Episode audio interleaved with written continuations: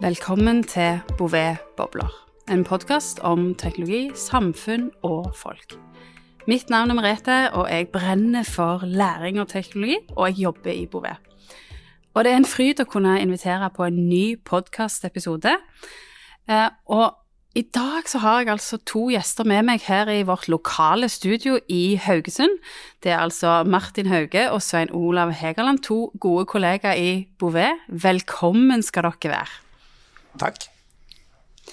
Så eh, før vi setter i gang med dagens tema, for dagens tema er jo industriell autonomi, og da må jeg ta litt sånn sats, jeg. Så har jeg jo lyst til å høre litt hvem dere er.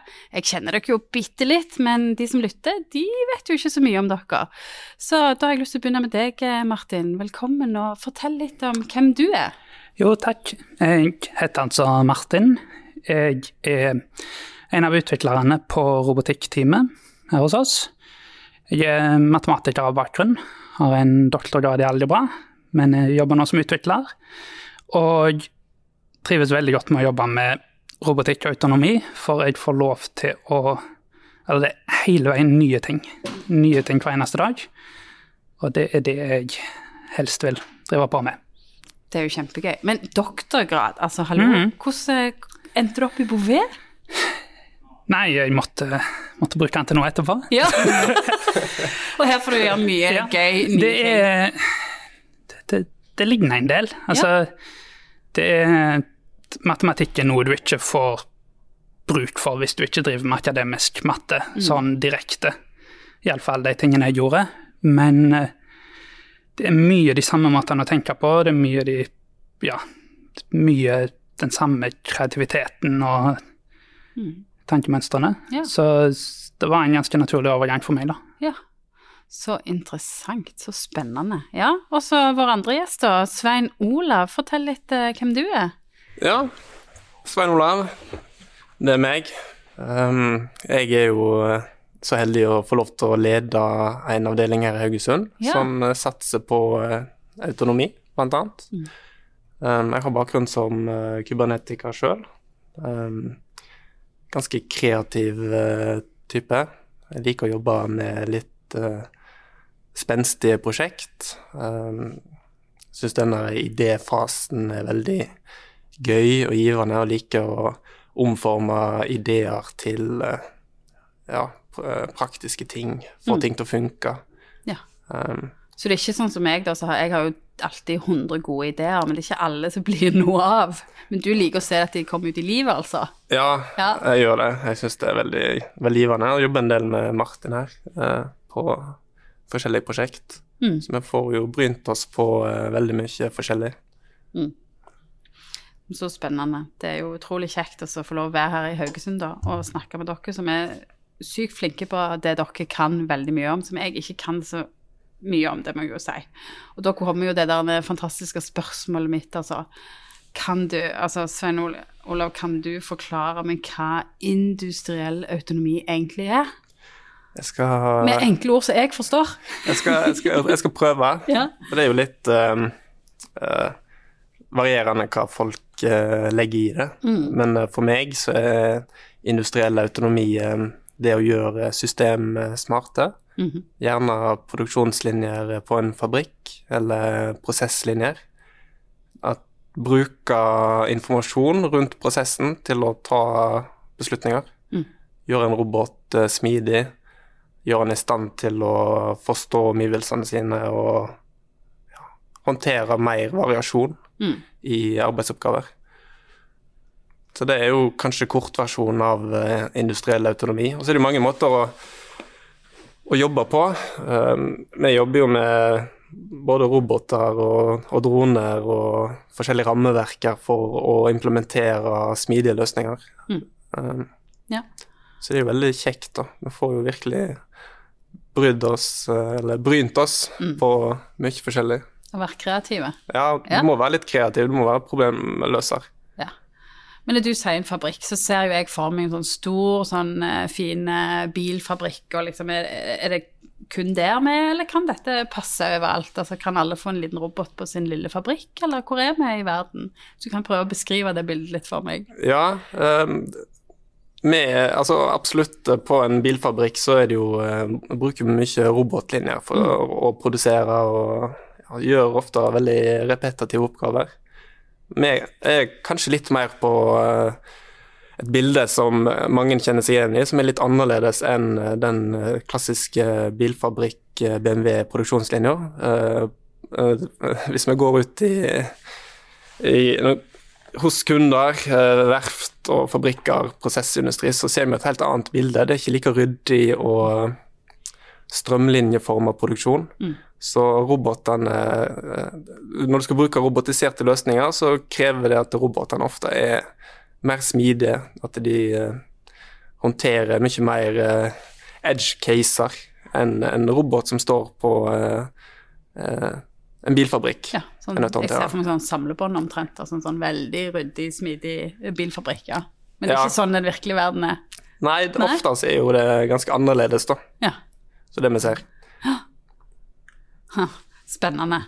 Men eh, så over til deg da, Martin. Altså, kan du si noe om hva, hva er det egentlig du jobber med? Du er ikke på en bilfabrikk du heller, tenker jeg. Du driver òg på å leke litt rundt med gøye roboter, eller ja? Ja, jeg har jo vært heldig og fått være med på ganske mange prosjekter etter hvert som har gjort dette her.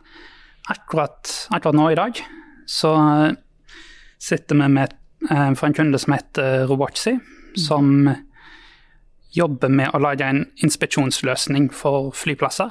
Det er Ja, snakk om en, en bil som skal kjøre rundt på rullebanen og på disse store åpne plassene på en flyplass. og gjøre en del inspeksjon og kanskje noen vedlikeholdsoppgaver.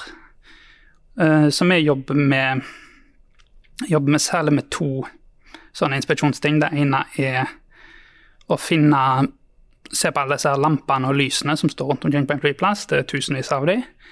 Og sjekke at alle som, virker, alle som skal virke, virker.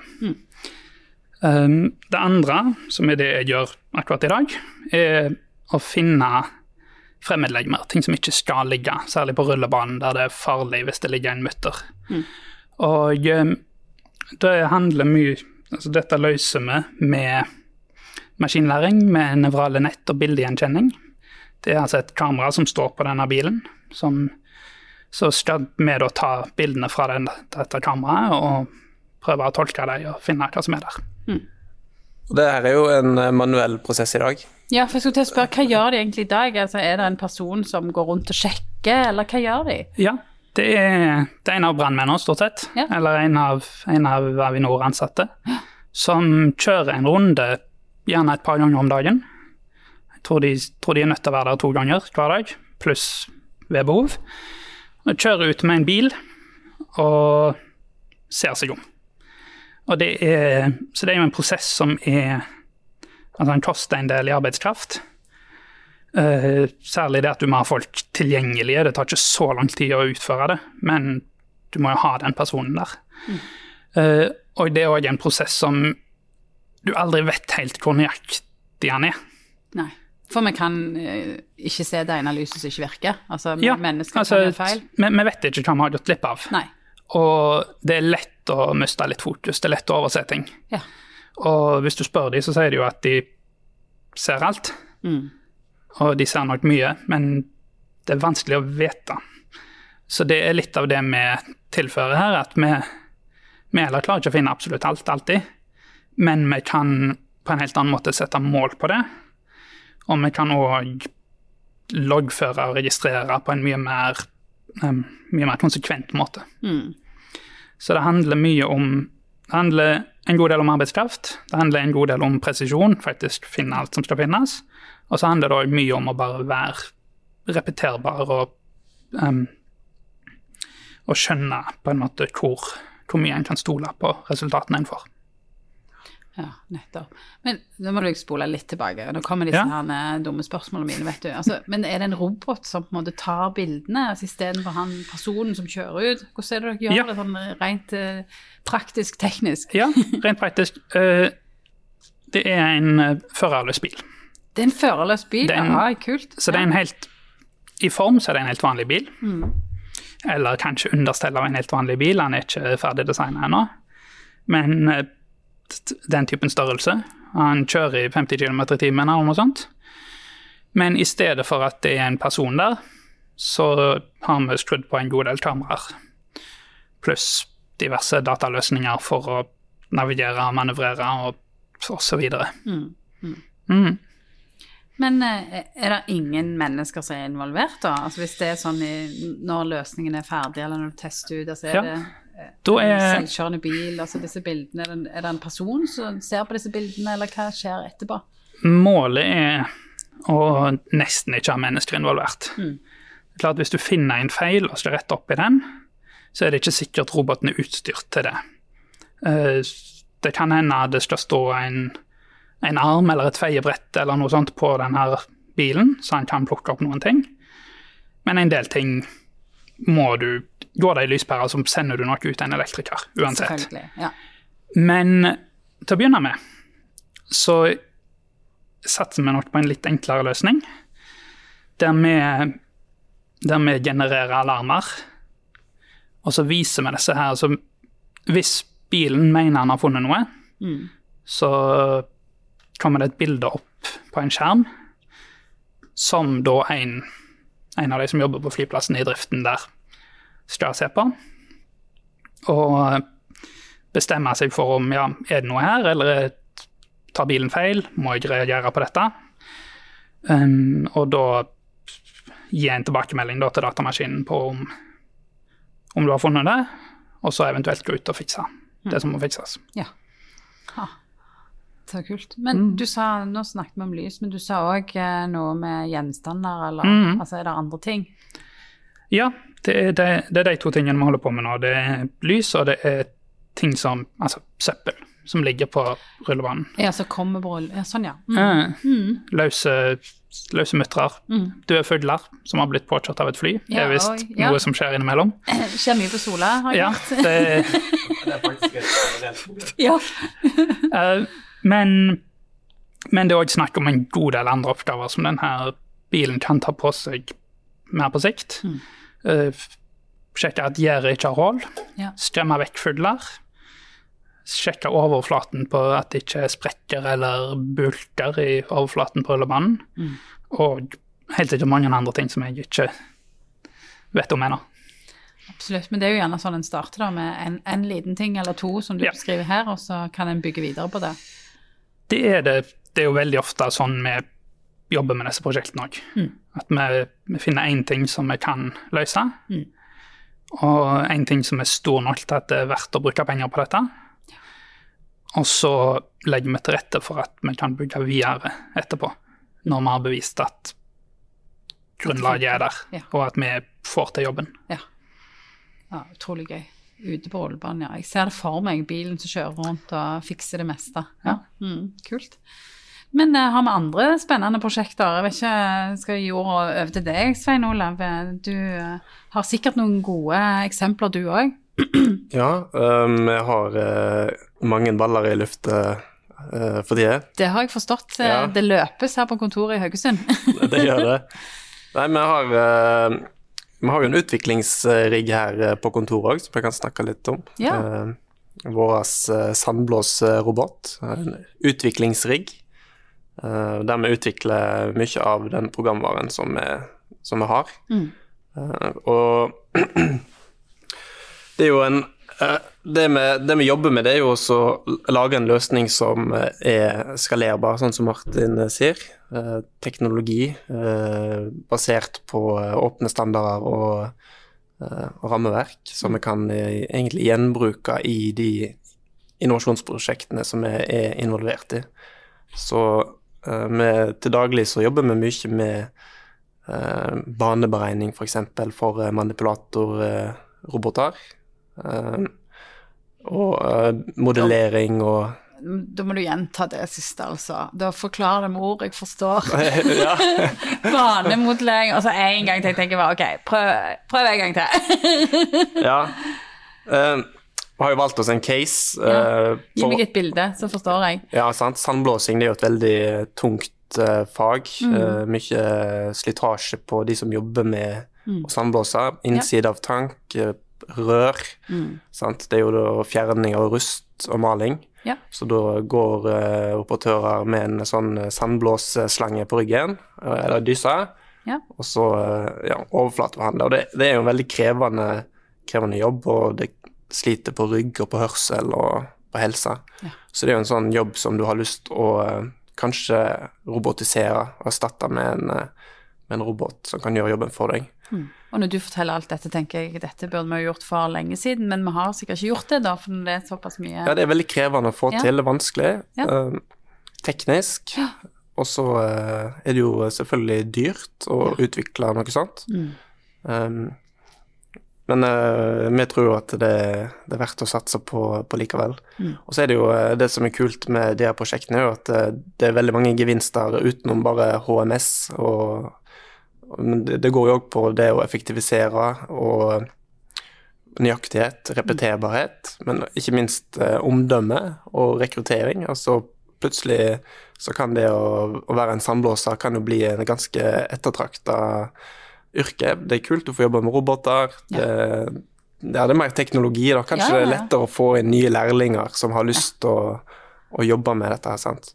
Ja, det er jo en utvikling fra en liksom tung jobb til kanskje bli en mer interessant eh, intellektuell jobb òg, sånn Ja. jobb med teknologien, den biten av det. Ja, så, så det, Vi jobber jo mye med dette her til daglig. Da. Så har vi valgt gå ut sandblåsing som uh, en case som vi utvikler vår uh, plattform på, eller for. Og da kommer kom vi inn på bl.a. baneberegning. Da, Ja, som det var er- der jeg datt av litt. Ja, ja er, det er jo egentlig den kunsten å få roboten til å skjønne omgivelsene sine. Ja. og Modellere f.eks. innsiden av en tank med om man bruker LIDAR eller radar eller kamera.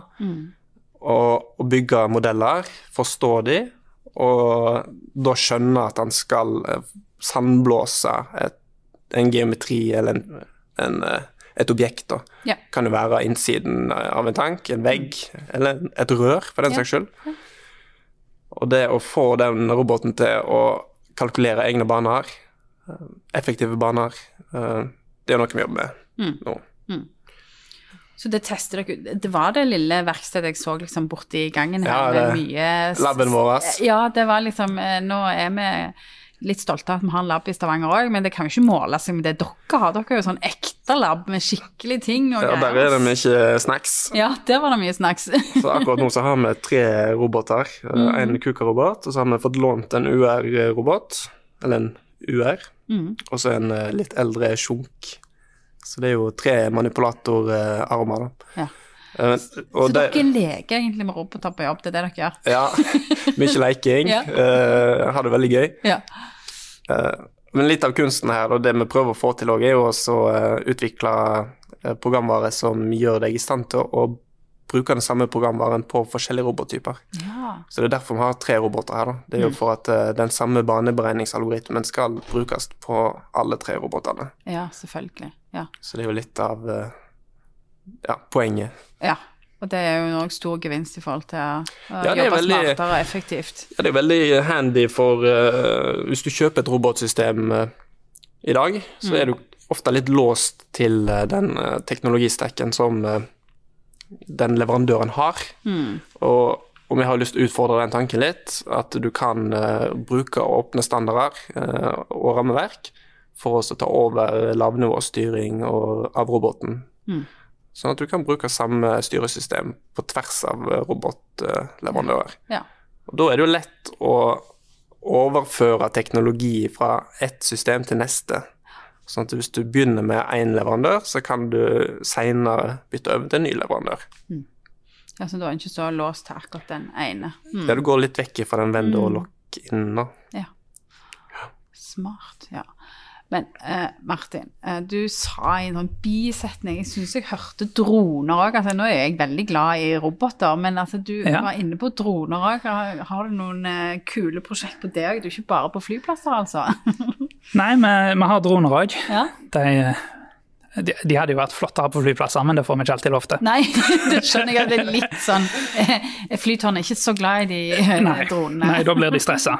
Ja. Um, men eh, vi har hatt Vi har hatt et par sånne litt sånn begrensa forsøksprosjekter, da. Vi har ikke helt fått napp på det store prosjektet ennå, men eh, det kommer sikkert snart i dag. Håper det. Ja, eh, men eh, vi har altså gjort et par ting rundt det og igjen rundt inspeksjon, rundt å lete etter ting.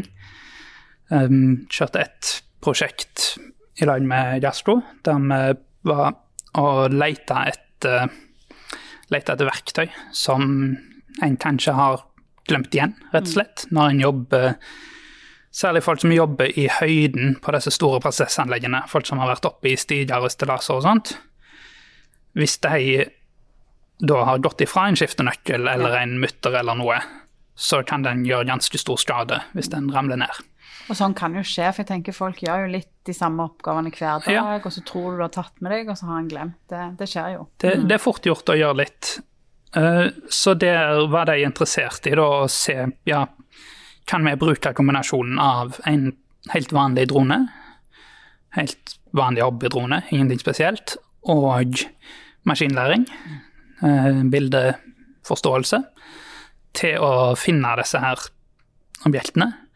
Eh, Så der gjorde vi et forsøksprosjekt der vi hadde, hadde valgt oss ut en eh, liten verktøykasse. Eh, Et par par skiftenøkler, en hammer, noe slikt.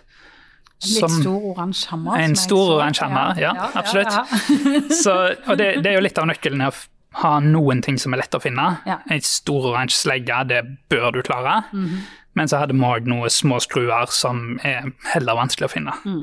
Og så prøver du å sette tall da på hvor, hvor på den skalaen du kommer. Så da var det å ta en drone og fly over et sånt testområde. Og så tolke den videoen da og se hva finner vi ting, finner vi ting her. ja, fant dere noe? Det gjorde vi. Ja, så bra. Ja. Det, det, Ja, jeg må, jeg må, jeg må jo spørre. det, det, det fungerte faktisk veldig bra. Ja, Det var, overraskende bra. ja, det var nesten Det var nesten lett. Ja. Er det lov å si det? Nei, nesten lett. De, Lov å si det. ja.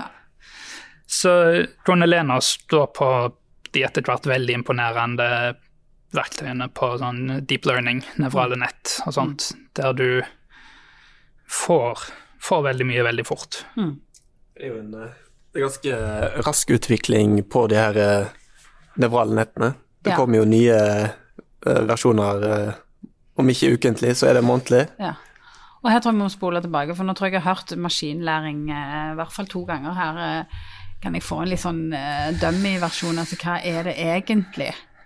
Hva Ja. betyr det altså, for alle der ute som kanskje ikke noen vekker det, eller tror de vekker det, men kan du forklare det til meg så jeg forstår? Ja, det handler om at Det handler om å få datamaskinen til å forstå ting, sånn Ja. enkelt sagt. Ja. Eh, I praksis så handler det veldig ofte om å lære datamaskinen å kjenne igjen et mønster. Mm. Der har du en del ulike teknikker. Du kan anvende dette på ulike ting. I vår sammenheng har det vært veldig mye bilder, men eh, vi har gjort en del andre ting òg.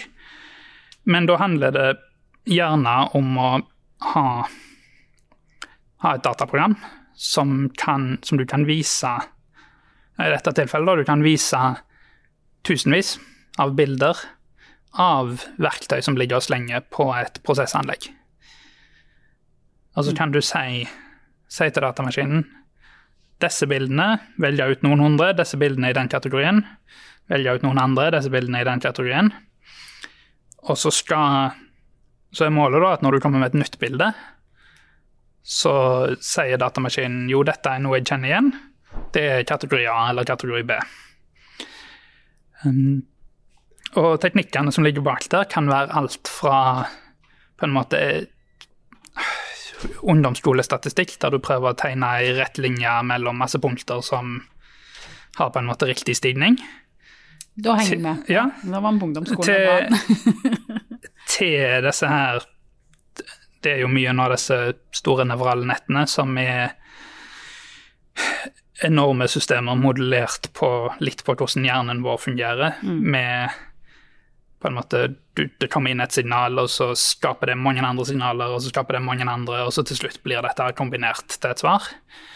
Uh, og de er jo så store at du egentlig ikke helt skjønner hva som skjer. Nei, det er for Men, stort. Jeg eh, klarer ikke Men vi ser at det funker. Ja, vi ser at det funker. Men det er godt nok for meg, det.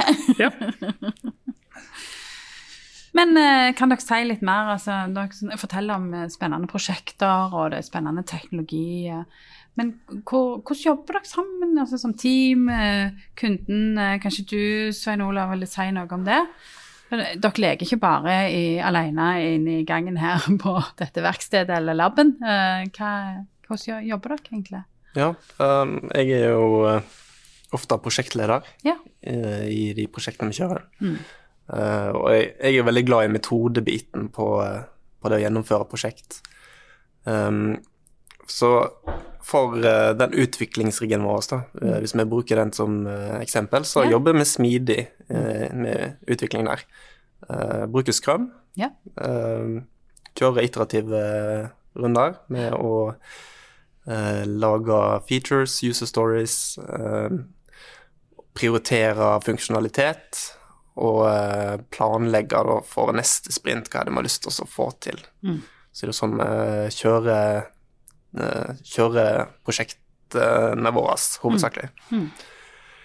Jeg er jo en eh, Altså, jeg brenner jo for eh, eh, konseptfasen i de her prosjektene.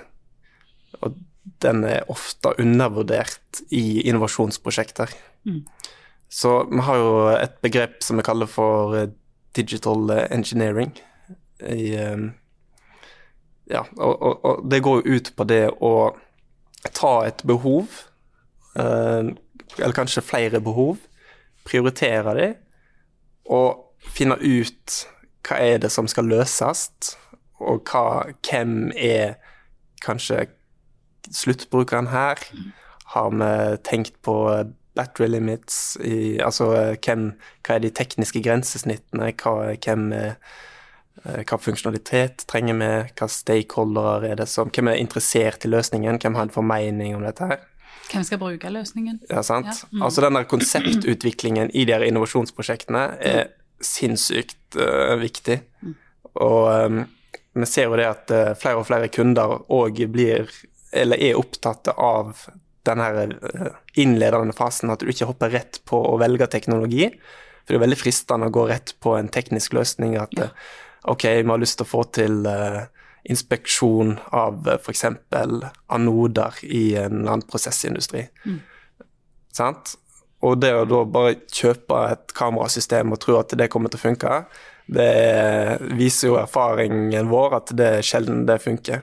Så det å ha en god konseptfase før, sikre at du har en god business case, at du har med deg organisasjonen, eh, at du har funnet stakeholderne, du har eh, kjørt tjenestedesign, du vet hva skjermbilder du trenger. Eh, Alt dette her. Kanskje du har pilotert en del teknologi, funnet ut at det, okay, det funker med kamera. Vi vet hvor kameraene skal stå. Alt det praktiske. Før du går videre på på implementasjonsbiten. da. Og det er Ja, det er veldig viktig. Ja, for noen ganger så tror jo vi at vi har den rette teknologien eller den rette løsningen, og hvis vi har hoppet over akkurat det du beskriver nå, den gode innsiktsfasen og den konseptutviklingen, så kan en jo bomme da på de tenker at en- det dette brukte vi et annet sted, eller dette har vi gjort før, så da velger vi det samme en gang til, og det er jo ikke sikkert det er den rette løsningen, da. Nei, det, det kan jo hende at det er rett løsning. Ja, ja, absolutt. Men uh, det er ikke alltid det, er det, så det er veldig greit å ha gjort en ryddig prosess fram til uh, du kanskje gjør et større innkjøp uh, knyttet til en partner mm. osv. absolutt. Um, ja. Og det er vel da innovasjonene òg skjer, når en plutselig ser at det er en helt annen type løsning òg. ja, og så får du, får du ofte fram altså, synergier, sant. Det er andre som uh, kan dra nytte av dette her. Hvordan kan vi utnytte det vi allerede har?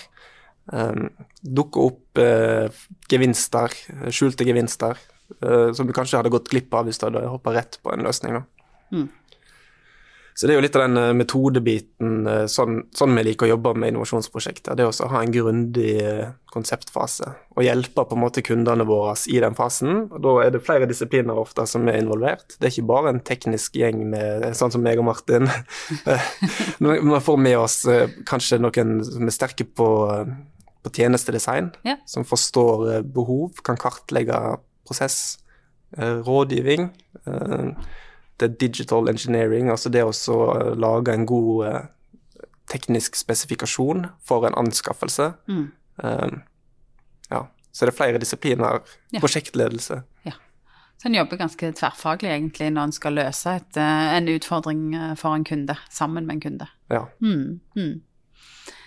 Men du Martin, altså, nå har vi snakket om roboter og droner, men hallo, altså borti gangen her, når du snakket om den der monkeyboten, den Ja. må du jo si noe om, for Den- den, den er morsom. seg. Den er jo bare så gøy. Nå er jeg litt sånn over snittet glad i roboter, da, men den er stjerna. Kan ikke du fortelle litt om den? Ja, det, det er et veldig kjekt prosjekt. Det er Ja, hvor skal vi begynne? Det er en, det er en robot som er litt som en apekatt. Ja. Det er derfor han heter Monkeybot. Ja. Og du kan jo se for deg en eh, apekatt som slenger seg bortover i jungelen, Det fra grein til grein. Ja.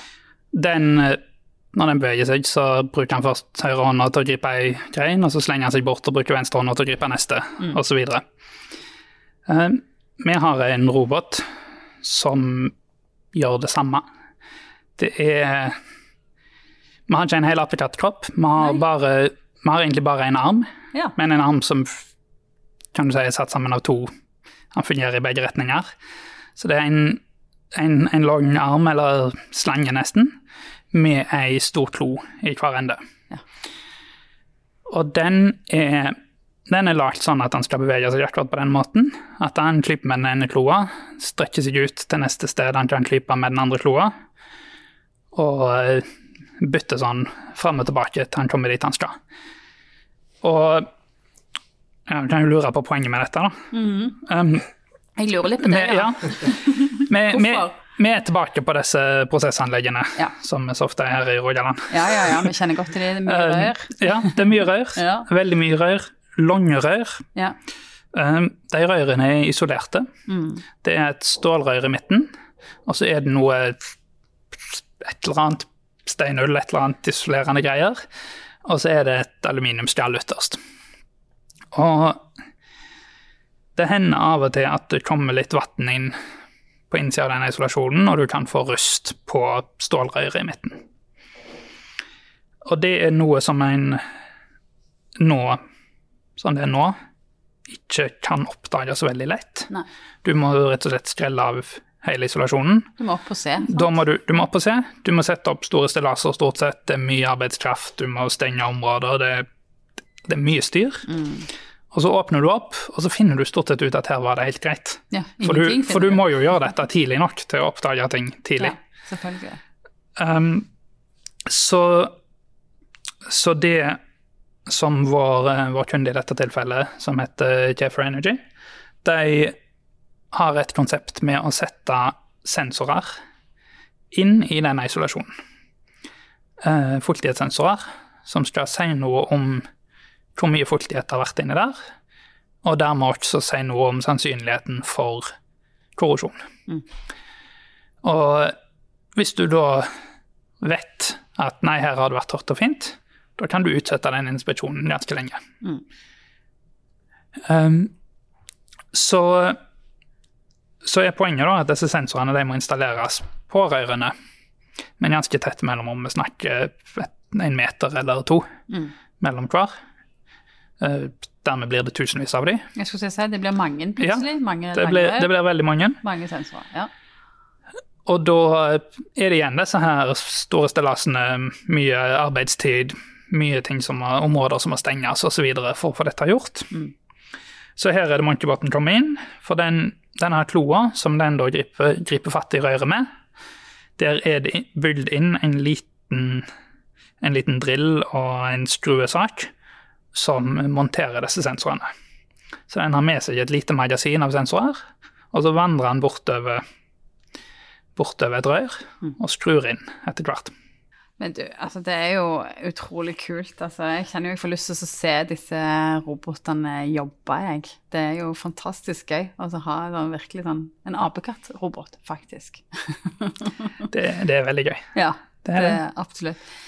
Men altså, vi kan jo fortsette å snakke i time etter time Mm. med om gøy roboter og droner og måter å jobbe på. Men jeg lurer på om vi må gå litt sånn avslutningsvis til um, Nå har dere fortalt om forskjellige prosjekter og metodikker dere jobber etter. Men Mm. klarer dere å dele et lite sånn eh, mitt lille learn hack, som jeg liker å kalle det? Altså, når dere jobber med teknologi, roboter, autonomi, altså, har dere et lite læringstips eller lønnhack å dele? Ja, jeg tror det som slo meg inn um, Svein Olav var litt inne på det med disse her forstadiene og sånt. Men du, det er mye usikkerhet, Ja. og du klarer ikke alltid Altså, du, du klarer ikke å viske den vekk i den forstudien nødvendigvis. Så det Hvis du skal i gang med et sånt prosjekt som dette, her, så skal du, skal du være forberedt på det. At det her, her kommer det en, us, en del usikkerhet, kanskje særlig på det med teknologivalg. Det kan godt hende vi prøver noe. Det kan godt hende det bare ikke fungerer, og at vi må prøve noe annet. Men samtidig så må vi gi hvert forsøk må vi gi en ordentlig sjanse. Så ja, så mitt, mitt tips her er tålmodighet. Våg å prøve ordentlig, og våg å gå vekk fra det når du finner ut at du trenger noe annet. Ja. Våg å feile litt, er det lov å si det? Ja, ja. ja. Det, det du, du kommer ikke videre uten å satse litt. Nei, nettopp. Ja. Så, Nei, men det er tålmodig, og så faktisk så må vi feile noen ganger for de absolutt beste løsningene. Ja. Men du da, Svein Olav, har du et lite learn hack å dele? Ja, kanskje. Ja? Jeg, eh, jeg bruker mye tid på YouTube. Ja, du er på YouTube, ja. Ja. Yes, fortell. Ja, ja, ja. Er det kattevideoer, eller er robotvideoer, eller hva driver du på eh, med? Det sniker seg inn en kattevideo av og til. Men uh, jeg er jo ikke så mye den skarpe enden, sånn som Martin på de her eh, oppdragene. Jeg eh, kommer inn i litt andre faser eh, og bidrar med andre ting enn nødvendigvis eh, hardcore koding. Men uh, for meg så er det viktig å ha godt overblikk over den teknologien vi jobber med. Forstå eh, hva som er mulig å få til, og ha en sånn røffelig oversikt over komponentene. Så jeg bruker en del tid på å lære meg eh, å forstå hva vi kan anvende denne teknologien til. da. Så det er viktig for meg. Og så en annen eh, learn hack, det er også å sette folk eh, sammen. Vi, vi jobber jo eh, eh, med flere prosjekt, eh, men ofte er det mye likt mellom prosjektene. Sant? Vi utvikler jo en del software som vi kan gjenbruke. Ja. Eh, Men det er jo det å få eh, at folk er med på Veit hva vi har utvikla, hva vi har tilgjengelig. Dele erfaringer. Ja. Der har vi Det er ganske nyttig. ja. Så denne delingskulturen som vi er så stolte av, den, den er viktig. Ja, Ja. ja. absolutt. Dukker opp eh, tips og triks underveis, sant. Ja. Martin, du sitter jo og tuner på en del eh, eh, Altså en autoenkoder, og vi har jo en annen kollega som òg har jobba litt med det. sant? Og, det, og hvor to kan sette dere sammen og se på det i lag. Dele erfaringer. Det, Ja. det er nyttig. Det er gull verdt, ja. Nei, men da tror jeg at vi går inn for en landing. Eh, takk til dere som var med og delte i denne podkasten. Jeg kjenner jo at jeg bobler litt, jeg, og har lyst til å se på disse robotene. Altså, nå, sånn, nå har jeg vært innom på denne laben. Kan jeg få lov å være med og kjøre noen droner? Jeg har lyst til å se det dere snakker om. Syns det er så utrolig kult. Eh, og de er jo ikke veldig skumle. Eh, nå er jeg jo litt, litt forelska i denne monkeyboten, da, så det er jo òg Det er ikke sånn at de kommer til å utkonkurrere folk, og vi mister ikke jobben vår. Vi kommer til å gjøre helt andre ting. Ja, en, en ting som faktisk er ganske morsomt der, er på det med sandblåsing. Ja. Sandblåserne sjøl er skikkelig gira Ja. på disse robotene. Ja. De vil ha det. Ja. De har ikke lyst til å stå der og løfte på tunge slanger. Ja, sant. Og det beviser jo akkurat poenget det at disse robotene er ikke særlig skumle, og vi kommer til å jobbe annerledes sammen med roboter, tenker jeg. Så jeg tenker uansett eh, hva vi lager sammen med en kunde, om det er utvikling av en app eller en teknisk løsning eller software for en robot, så er det jo faktisk folka eller menneskene og nye måter å jobbe på som er det viktigste. Ja, da vil jeg bare si tusen takk til alle dere som lytta til denne episoden, og flere spennende Bouvet Bobler-podkaster. Det finner du selvfølgelig ikke kanskje akkurat på YouTube, men eh, på internettet akkurat samme plass der du fant denne episoden. Takk for oss.